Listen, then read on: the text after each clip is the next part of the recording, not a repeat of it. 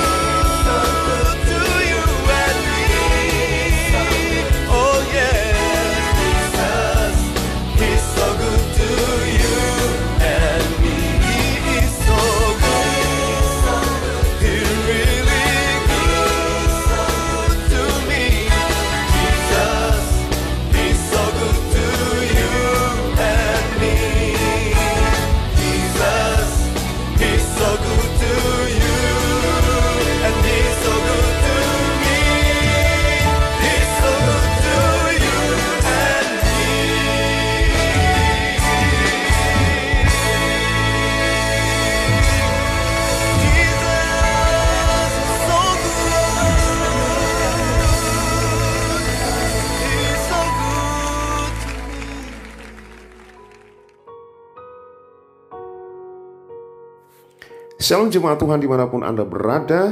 Jumpa kembali bersama dengan saya James Tuhumuri dalam program Caring Family. Malam ini kita masih ada dalam semarak Paskah. Untuk itu kami ucapkan selamat Paskah dan selamat menghidupi kuasa kebangkitan Tuhan Yesus Kristus dari antara orang mati. Haleluya. Saudaraku, 2000 tahun yang lalu peristiwa kebangkitan Tuhan Yesus Kristus kemudian diikuti dengan beberapa kali ia menampakkan diri kepada murid-murid dan kepada orang banyak, maka malam hari ini kita mereview ulang kembali kisah kebangkitan Tuhan Yesus Kristus dari antara orang mati sekaligus penampakan dia yang membawa pengaruh besar bagi setiap pengikut-pengikutnya. Saudaraku, di dalam Lukas 24 ayat 36 sampai dengan 49 saya akan bacakan bagi saudara malam hari ini dan biarlah saudara mendengarkan kebenaran firman Tuhan ini yang membangkitkan iman kita. Di dalam Lukas 24 mulai ayat yang ke-36 dikatakan Perikopnya berkata, Yesus menampakkan diri kepada semua murid. Ayat 36. Dan sementara mereka bercakap-cakap tentang hal-hal itu, Yesus tiba-tiba berdiri di tengah-tengah mereka dan berkata kepada mereka, "Damai sejahtera bagi kamu." 37. Mereka terkejut dan takut dan menyangka bahwa mereka melihat hantu. 38. Akan tetapi ia berkata kepada mereka, "Mengapa kamu terkejut dan apa sebabnya timbul keraguan-raguan di dalam hatimu?" 39. Lihatlah tanganku dan kakiku, aku sendirilah ini. Rabalah aku dan lihatlah, karena hantu tidak ada daging dan tulangnya, seperti yang kamu lihat ada padaku. 40 Sambil berkata demikian, ia memperlihatkan tangan dan kakinya kepada mereka. 41 Dan ketika mereka belum percaya karena girangnya dan masih heran, berkatalah ia kepada mereka, "Adakah padamu makanan di sini?" 42 Lalu mereka memberikan kepadanya sepotong ikan goreng. 43 Ia mengambilnya dan memakannya di depan mereka. 44 Ia berkata kepada mereka, Inilah perkataanku yang telah kukatakan kepadamu ketika aku masih bersama-sama dengan kamu, yakni bahwa harus digenapi semua yang ada tertulis tentang aku dalam kitab Taurat Musa dan kitab Nabi-Nabi dan kitab Mazmur. 45 Lalu ia membuka pikiran mereka sehingga mereka mengerti kitab suci. 46. Katanya kepada mereka, ada tertulis demikian. Mesias harus menderita dan bangkit dari antara orang mati pada hari yang ketiga. 47. Dan lagi dalam namanya berita tentang pertobatan dan pengampunan dosa harus disampaikan kepada segala bangsa, mulai dari Yerusalem. 48 Kamu adalah saksi dari semuanya ini. 49 Dan aku akan mengirim kepadamu apa yang dijanjikan Bapakku. Tetapi kamu harus tinggal dalam kota ini sampai kamu diperlengkapi dengan kekuasaan dari tempat tinggi. Demikian saudara peristiwa penampakan Yesus Kristus di dalam ruangan yang tertutup kepada murid-muridnya. Saudaraku, malam hari ini saya mau katakan kepada saudara dengar baik bahwa ada dua proklamasi kemenangan Yesus Kristus. Pertama, yaitu karya salib dan yang kedua adalah kebangkitannya dari antara orang mati. Keduanya adalah bagian yang integral yang tidak dapat dipisahkan dari kehidupan kekristenan bahwa sesungguhnya keselamatan kita telah diproklamasikan di salib di salib ia berkata, Tetelestai, sudah selesai. Penebusan, pengampunan, dan keselamatan telah ditanggung dengan tuntas dan utus dan sempurna oleh penumpahan darahnya. Hari Minggu kemarin, kita merayakan pasca kebangkitan Yesus Kristus dari maut dan alam maut. Inilah proklamasinya bahwa maut tidak berkuasa atas kehidupannya Justru Yesus Kristus memegang segala kunci maut dan kerajaan maut. Saudaraku Alkitab berkata dalam Wahyu 1 ayat 17b sampai dengan 18, Aku adalah yang awal dan yang akhir dan yang hidup. Aku telah mati, namun lihatlah aku hidup sampai selama-lamanya. Dan aku memegang kunci maut dan kerajaan maut. Haleluya saudara. Malam ini saya katakan, berbahagialah setiap kita yang memiliki Allah dan Tuhan dalam Kristus Yesus. Waktu kita meninggal, maka maut pintu alam maut atau kerajaan maut tidak menjadi tempat kita, tetapi karena Kristus yang bangkit mengalahkan maut dan kerajaan maut, pintu Firdaus terbuka menyambut kita sekalian. Haleluya. Dan saudaraku yang terkasih dalam Tuhan, inilah berita yang mendatangkan sukacita dan pengharapan bagi semua umat percaya di seluruh dunia. Nah saudaraku hari ini saya ingin kita melihat sebuah respon terkait peristiwa kebangkitan yang dilanjutkan dengan Tuhan Yesus menampakkan diri kepada para murid. Saudara, di dalam Injil Lukas narasi tentang kebangkitan berbeda isinya dengan narasi Injil yang lain. Walaupun memang fakta-fakta intinya sama. Lukas menyajikan tiga episode penampakan pasca kebangkitan.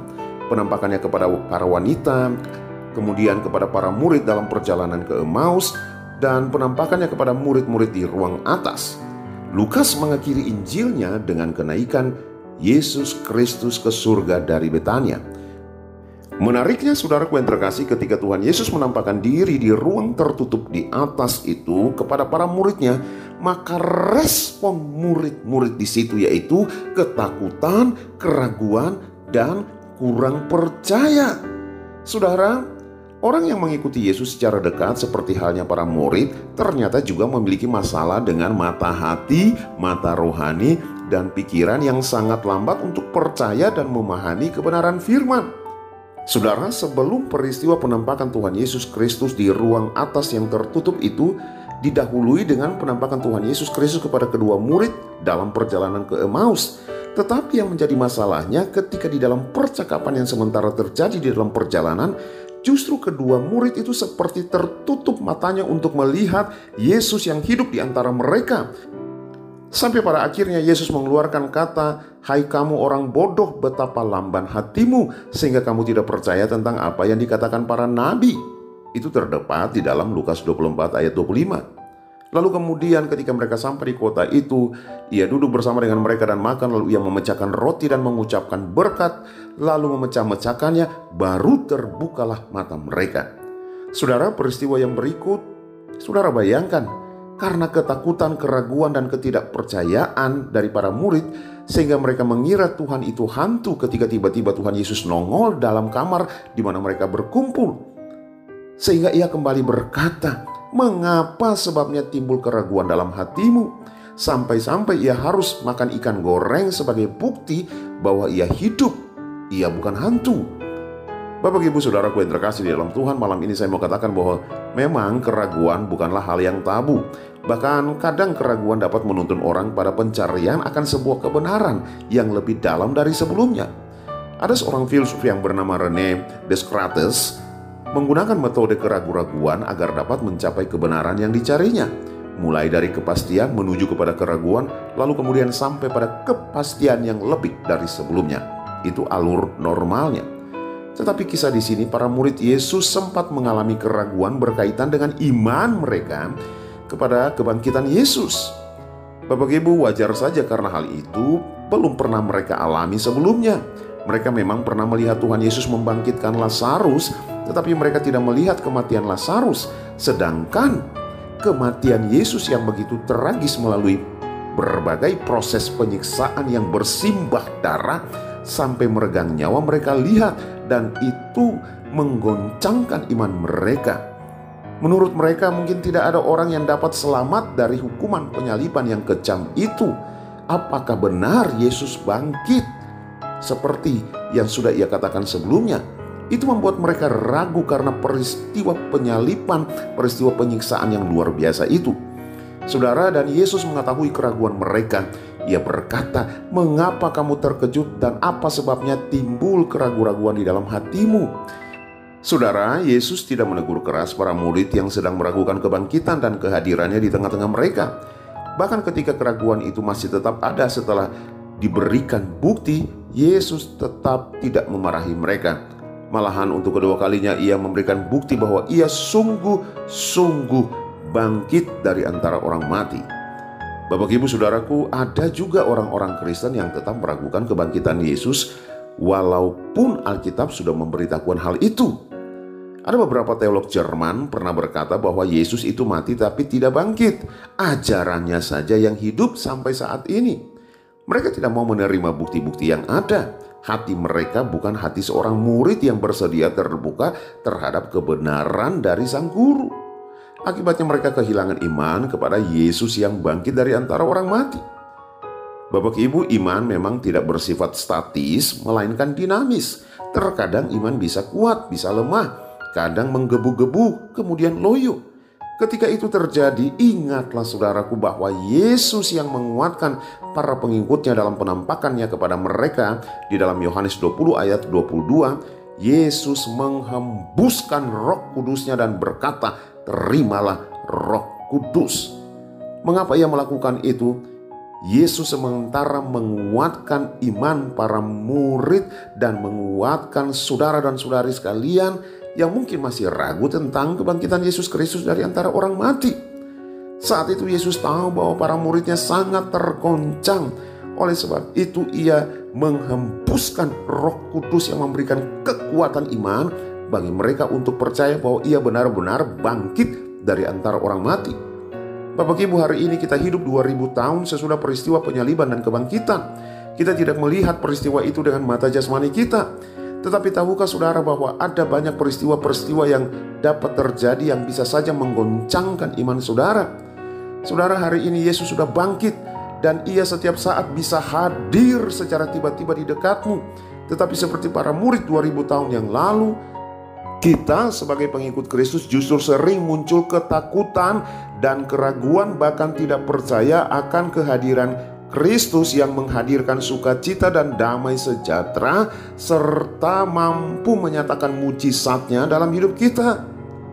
Malam hari ini saya mau katakan bagi saudara dengar baik, Yesus sudah bangkit. Haleluya. Yesus sudah bangkit untuk itu kuburkanlah ketakutan. Yesus sudah bangkit untuk itu kuburkanlah keraguan dan ketidakpercayaan. Yesus sudah bangkit oleh sebab itu kuburkanlah masa lalumu, masa lalu yang gelap dan hidup di dalam kebangkitannya. Yesus sudah bangkit, kuburkan dendamu. Yesus sudah bangkit, oleh sebab itu kuburkanlah amarahmu. Yesus sudah bangkit, oleh sebab itu kuburkanlah kepahitanmu. Yesus sudah bangkit, oleh sebab itu kuburkanlah kekecewaanmu. Yesus sudah bangkit oleh sebab itu kuburkanlah kata-kata kotormu. Yesus sudah bangkit oleh sebab itu tinggalkanlah miras perokok dan hiduplah dengan tubuh yang memuliakan Tuhan. Yesus sudah bangkit oleh sebab itu tinggalkan pikiran-pikiran negatif. Yesus sudah bangkit, kuburkanlah percabulan. Yesus sudah bangkit, kuburkanlah kecemaran. Yesus sudah bangkit, kuburkanlah hawa nafsumu. Yesus sudah bangkit, kuburkanlah iri hati, amarah, kepentingan diri sendiri, perceraian, roh pemecah. Yesus sudah bangkit, kuburkanlah kedengkian, pesta pora dan sebagainya. Yesus sudah bangkit, kuburkanlah penyembahan berhala, sihir, perseteruan, kemabukan. Dan saudaraku, Yesus sudah bangkit.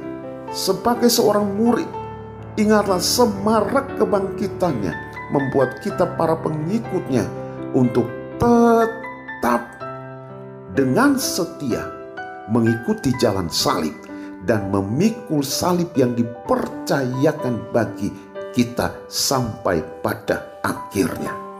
Yesus sudah tidak ada di salib, tetapi ia menitip salibnya bagi setiap saudara dan saya. Hari ini, apa yang menjadi pergumulan hidupmu? Itulah salib yang saudara harus pikul.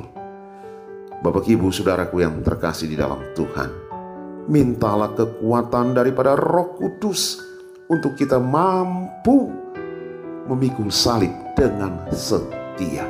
Saya tahu ada banyak sekali di antara pendengar yang mendengarkan kebenaran firman ini yang syarat dengan masalah, dengan beban, pergumulan pribadi, pergumulan keluarga, pergumulan tentang keuangan, pergumulan tentang rumah, pergumulan tentang apa pun, studi dan sebagainya.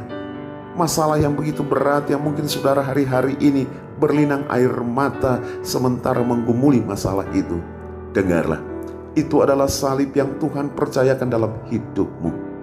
Seperti Yesus yang dengan setia dan tekun memikul salibnya sampai mati.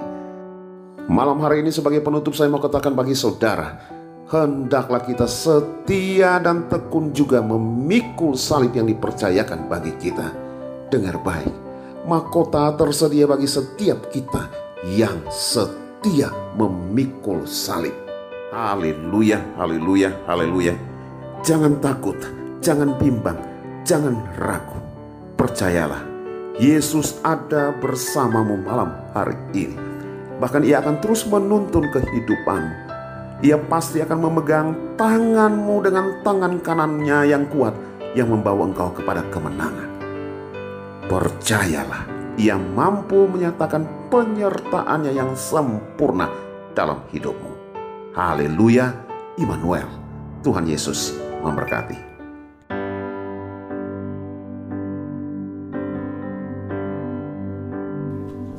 Ku cinta kau Rahmatmu nyata bagiku. Hidupku di dalam tanganmu. Sejak pagi ku terbangun